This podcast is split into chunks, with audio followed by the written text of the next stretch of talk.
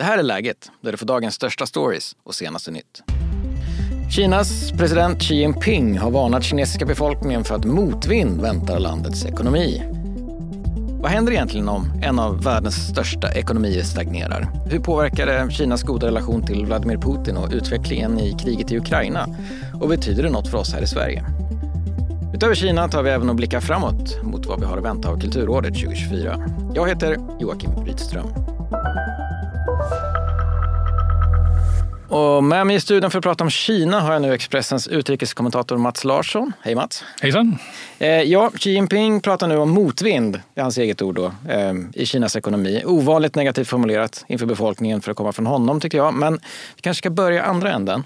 Eh, för Kina har ju vuxit till att bli en av världens största ekonomier. Hur, hur gick det egentligen till? Ja, den som ska ha den största äran av det är väl den förre ledaren Deng Xiaoping som eh, öppnade upp Kinas ekonomi i slutet på 70-talet. Mm. Så sen 78 när de reformerna sjösattes så har Kinas ekonomi ökat tror jag, i snitt med 9 procent per år. Alltså det, det är en enorm ja. tillväxt. Vi har aldrig skådat något liknande. Du har 800 miljoner som har tagits ut ur fattigdom ur Kina.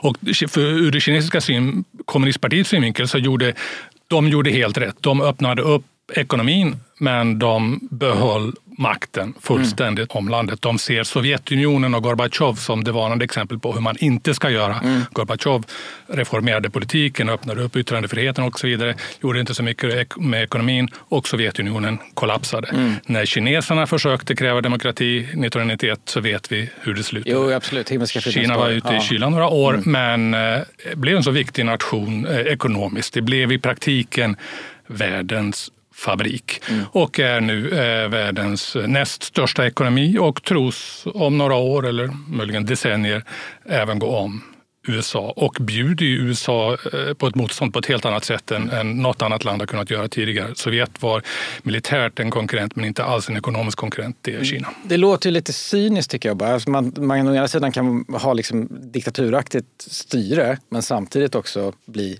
alltså ha en så stark ekonomi. Ja, och det är den modell som eh, Xi Jinping och Kina presenterar för resten av världen. De menar att detta är den rätta eh, modellen. Eh, men det här har ju också gjort just Xi Jinping då till en av världens mäktigaste ledare. Jag, jag tycker att han satt ett mycket starkare internationellt avtryck än många andra kinesiska ledare. Hur tycker du han skiljer sig från sina föregångare? Absolut. och alltså Deng Xiaoping införde ett system där hans efterträdare inte skulle få bli för mäktiga. Mm. Därför att Mao och personkulten kring Mao hade lett till för stora problem. Mm. Därför fick de exempelvis bara sitta tio år i taget och var i praktiken någon slags eh, första bland jämlikar i, mm. i den stående politbyråns stående kommitté som är de högsta ledarna i Kina. Mm. Och jag menar, vem var president före Xi Jinping? Hur många tar det på rak arm? Mm. Vem var president före före honom. Mm. Kommer vi ihåg det? Och de satt ändå i tio år. Ja. Mm. Så Xi Jinpings företrädare var Hu Jintao mm. och för honom var det Jiang Zemin. Men mm. de, de, var rätt anonyma, inte minst Hu mm. Jintao. Anonym är inte vad Xi Jinping är, utan han har koncentrerat makten kring sig själv. Han, han såg problemen med att det var ett slags kollektivt ledarskap. Korruptionen blev enorm, han såg det som ett hot mot Kina och vill förstås ha större makt själv och det är vad han har skaffat sig. Han borde ha klivit ner från makten 2022, 2023 men det har han ändrat på. Han sitter nu i minst fem år till. Han är den starkaste kinesiska ledaren sedan Mao Zedong skulle jag säga. Eh, du och jag ska prata vidare om Kinas försvagade situation och kommer att påverka omvärlden men först så har vi några andra eh, korta nyheter. Nu har startordningen släppts för Melodifestivalen. Först ut i deltävlingen i Malmö den 3 februari är Adam Woods med låten Supernatural och sist ut i Karlstad några veckor senare så gör Medina låten Que En skillnad i år mot tidigare år är att eh, varje deltävling har sex bidrag istället för sju och eh, bland uppträdande artister märks bland andra Fröken Snusk, Smash Into Pieces, Dennis Saucedo och Cassiopeia. Sydkoreas parlament har röstat ja till ett förbud mot hundkött som mat. Hundkött har varit en del av det sydkoreanska köket i sekler men konsumtionen har minskat kraftigt under de senaste åren och kampanjer från djurrättsaktivister tros ha bidragit till att unga sydkoreaner många gånger väljer bort hund i mat. Påtryckningar på landets regering att förbjuda handeln med hundkött har också ökat under de senaste åren.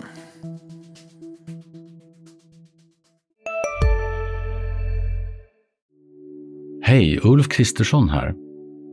På många sätt är det en mörk tid vi lever i.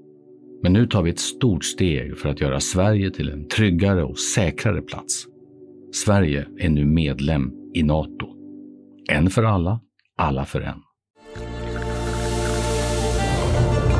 Välkommen till Maccafé på utvalda McDonalds restauranger med Baristakaffe till rimligt pris. Vad sägs om en latte eller cappuccino för bara 35 kronor? Alltid gjorda av våra utbildade baristor.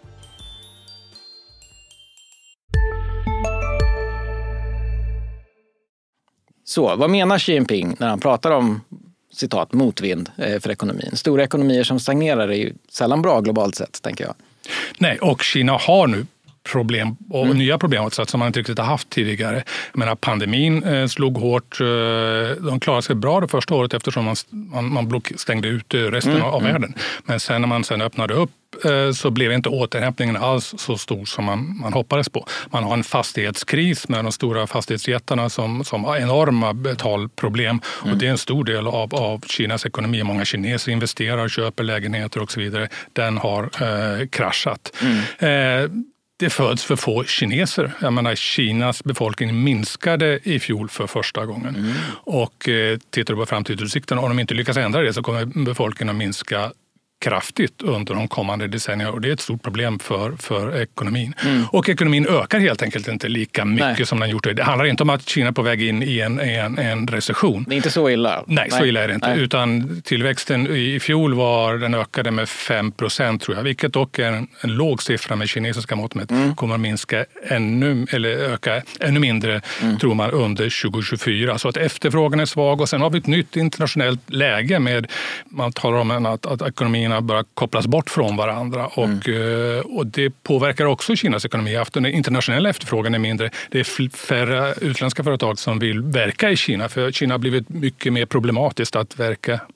Jag tänker också, finns det en risk att ett ekonomiskt sett mer pressat Kina agerar irrationellt? Liksom, alltså ökar exempelvis trycket internt på Xi Jinping att inleda en konflikt, kanske attackera Taiwan? Alltså, finns det sådana risker i det här? Absolut, och det är många bedömare som påpekar det att egentligen är ett, ett svagare Kina är nog ett farligare Kina än mm. ett, ett, riktigt starkt Kina. Och jag menar, du får ett svar nu till helgen där faktiskt eh, Taiwan går till eh, presidentval mm. och där den som leder är eh, William Lai som är från Demokratiska progressiva partiet, det parti som Kina gillar minst. De kallar mm. William Lai för en bråkmakare och det är det parti som egentligen står för självständighet för Taiwan, mm. även om man inte vågar säga det. Så jag tror säkert vi kommer få se markeringar där. Och i det tal som, nyårstal som du citerade där, där, mm. där Xi talade om motvind så sa han också att en förening mellan Kina och Taiwan är en historisk oundviklighet. Och han har tydligt gjort klart att mm. en förening kommer att ske. Man talar inte längre att det nödvändigtvis blir en, en, en fredlig återförening. Så, så vi får se. Eh, en och del... ett, ett, krig mellan Kina och Taiwan, det vore ju internationellt sett fullständig katastrof. Ja, det vore ja. det. Det är, det är värre än Ukraina-kriget, mm. för då talar vi USA som i praktiken lovar att, att skydda Taiwan. Mm. Xi Jinping är också en av de få som stödjer Vladimir Putin. Hur kommer deras relation, framförallt kanske kring Ukraina, då, se ut under 2024 tror du? Jag tror inte att det kommer att ske några större förändringar. Kina är formellt neutralt i konflikten. Mm. Samtidigt så är man i praktiken på eh, Putins sida. Jag menar, mm. Kina och Xi Jinping vill skapa en ny värld där väst och USA har betydligt mindre att säga till om. En ny världsordning där, där Kina har mer att säga till om. Och där är Ryssland och Putin definitivt en allierad för han vill samma sak och de drar åt samma håll. Kina handlar väldigt mycket med Ryssland. Man köper, passar på att köpa eh, gas, olja till mm. fina priser, vilket också finansierar Putins Visst. krig. Mm. Väst hoppades ju på att, att, när kriget bröt ut att de hårda sanktionerna skulle isolera Putin fullständigt och att Kina skulle vara med. Man fick aldrig Kina med på detta. Nej. Och den ryska ekonomin går bättre än vad vi hade hoppats. Men om man ska sammanfatta det här lite grann så det ser inte jättebra ut, tänker jag. Här, Kina möter motvind, säger de. USA kastas runt i internpolitisk kaos. Israel krigar med Hamas. England har lämnat EU för ett tag sedan då förstås, men att Europa då, som står kvar där, hanterar ett krig i Ukraina. Världsekonomin och världspolitiken mår inget vidare. Finns det liksom någonstans där det går bättre eller går uppåt oh, eller framåt? Ja, du får, du får verkligen leta. Alltså det, ja. är, det är mörka tider. Det görs paralleller med, med, med slutet på 30-talet mm. eller åren 1912-1913, alltså innan första världskriget bryter ut. Men tittar vi lite mer generellt så finns det, ja, då, då finns det trots allt positiva saker. Jag menar, eh, andelen extremt fattiga i världen har aldrig varit så låg mm. som den var under 2023 exempelvis. Mm. Så de siffrorna, och det är, det är en trend som har pågått sedan länge. Även om vi tittar på en sån sak som barnadödligheten som liksom mm. historiskt har varit ett enormt stort problem. Även den var den lägsta någonsin under 2023. Jag tror det dog 4,9 miljoner före fem års ålder och det var en miljon färre än så sent som 2016. Så att ja, de stora världen blir bättre på, trots allt på många håll, men mm. geopolitiskt så är det väldigt bekymmersamt. Vi får hoppas att det är som mörkast just nu och på väg att vända då helt enkelt. Vi får göra det. Ja. Tack för idag Mats. Tack, tack. Snart kommer Expressens kulturchef Viktor Malm förbi och berättar om vad som väntar det kommande kulturåret. Men först några fler korta nyheter. Den extrema kyla som lamslagit stora delar av Sverige är i alla fall tillfälligt på väg att vända. Och på sina håll är det stora skillnader i temperatur. I Kvikkjokk har exempelvis temperaturförändringen gått snabbt. Det gick det från minus 43,6 grader i onsdags förra veckan till plusgrader igår. Däremot är vädret fortfarande fortsatt lite knepigt eftersom det under hela dagen idag väntas blåsa kraftigt i norra Sverige. Och vi kan även konstatera att en svensk slagit lönerekord i anrika hockeyklubben Toronto Maple Leafs. Det är William Nylander som förlängt sitt kontrakt med åtta år. Och för det ersätts han med nästan, håll i er nu, en miljard kronor. Ingen annan Maple Leafs-spelare har någonsin tidigare tjänat så mycket för att representera klubben.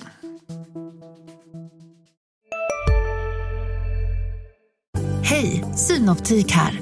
Hos oss får du hjälp med att ta hand om din ögonhälsa. Med vår synundersökning kan vi upptäcka både synförändringar och tecken på vanliga ögonsjukdomar.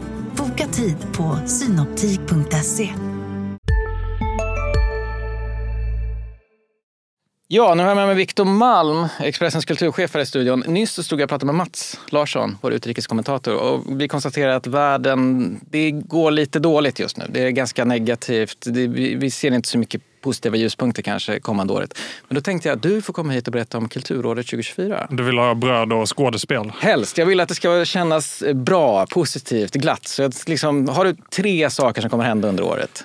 Jag har nog inte tre jätteglada saker som kommer hända om året och ger det ser ju mörkt ut även för kulturen måste man säga. Inflation, krig, allt sånt påverkar kulturen i minst lika hög grad som det påverkar andra delar av världen, om än inte med liksom samma totala förstörelse som till exempel ett krig drabbar en civilbefolkning. Men jag borde tagit hit dem från sporten istället. Då. Kanske, där kanske okay. där är det mer konstant glädje. Ja, även, om, även om Sveriges resa, eller uteblivna resa till fotbolls-EM i år en annan deprimerande grej med världsläget. Men, Okej, men... nu släpper vi det. Okej, okay, men kulturåret 2024, vad har vi att vänta oss? Så kan vi säga åtminstone. Det får vara negativt om du vill, det är lugnt. Den stora grejen som, som kommer märkas av i år är det kulturnyheterna kunde berätta häromdagen Kulturnyheterna SVT alltså, det är att inflationen kommer att slå så hårt mot kulturlivet att vi kommer se institutioner, teatrar, konserthus och sånt. Ja, antingen privat skuldsätta sig för att kunna mm. fortsätta driva sin verksamhet eller att de tvingas lägga ner. Det är nu enkelt. det kommer till kulturen helt enkelt. Precis. Mm. De ville ha anslag på 90 miljoner från kommunerna men de får 20 miljoner och den klyftan där den kan man liksom mm. inte täcka räcka med att fler kommer att titta på pjäserna utan det här, det här är ett dråpslag mot kulturen som, mm. som jag antar är oundvikligt för att inflationen måste också bekämpas och komma ner vid något tillfälle. Men Visst. inflationen betyder också kostnadsökningar för kulturlivet som de inte kan täcka kommersiellt. Det här är ett gigantiskt problem just nu. Och det hade behövt lösas politiskt då, antar jag? Ja, om det går att lösa politiskt. Jag mm. menar, de har väl lagt en, en ganska defensiv kulturbudget av anledningen att man inte vill investera för mycket. Mm. Och, och då, då blir det som det blir. Det, det är jättetråkigt och det som händer för kulturlivet är ju att när en institution faller, när en teatergrupp lägger ner, mm. då är det svårt att starta den igen. Yes. Det är mycket svårare att bygga upp saker än det att riva ner dem. Så mm. vi går mot ett år som riskerar att bli tragiskt för, för kulturlivet. Tråkig inledning med andra ord. Ja. Eh, vad är en, en, annan grej då som kommer hända under 2024? En annan deppig grej som mm, kommer hända okay, under 2024. Eh, det, det blir det deppiga avsnittet. Det, det är ju att vi, liksom, vi kommer inte komma ifrån den här eviga nostalgin på duken. Det är det enda vi har fått utstå de sista åren. Att det kommer en ny Jurassic Park-film, eh, ännu en Marvel-rulle och sen när de ska ge sken av att ha lite fantasi, mm. de där Hollywood-skaparna, så gör de en medioker film om Barbie. det... uh, folk gillade den, det gjorde inte jag. Jag har inte sett den, så jag kan inte säga någonting. Det är den här eviga fantasilösheten och de stora blockbuster-produktionerna som mm. verkligen dränerar biografkulturen på energi och gör att man knappt vill gå. Mm. Det finns ett litet ljustecken. Det finns det? Okay. Det finns ett litet ljustecken. Mm. Den nya filmen The Holdovers som okay. jag inte har sett själv än. Men det var ju nästan en nyhet i sig att det är liksom ett originalmanus som blir en storfilm. Och jag menar, det säger någonting om vad deppigt läget är på den, mm. på den fronten.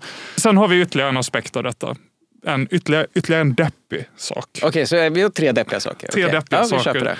Nu återstår det väl att se lite hur eh, julhandeln gick för bokbranschen. Mm. Men, men vi är ju i en tid av fallande läsning, av en förflyttning av eh, bokkulturen in i diverse ljudformat. Mm. Och det här innebär ju att pengar försvinner ur bokbranschen. Mm. Och när pengar försvinner ur bokbranschen, när det blir svårare för författare att överleva på sin konst, så krymper också litteraturen. Även den blir mindre modig, den blir mer defensiv. Mm.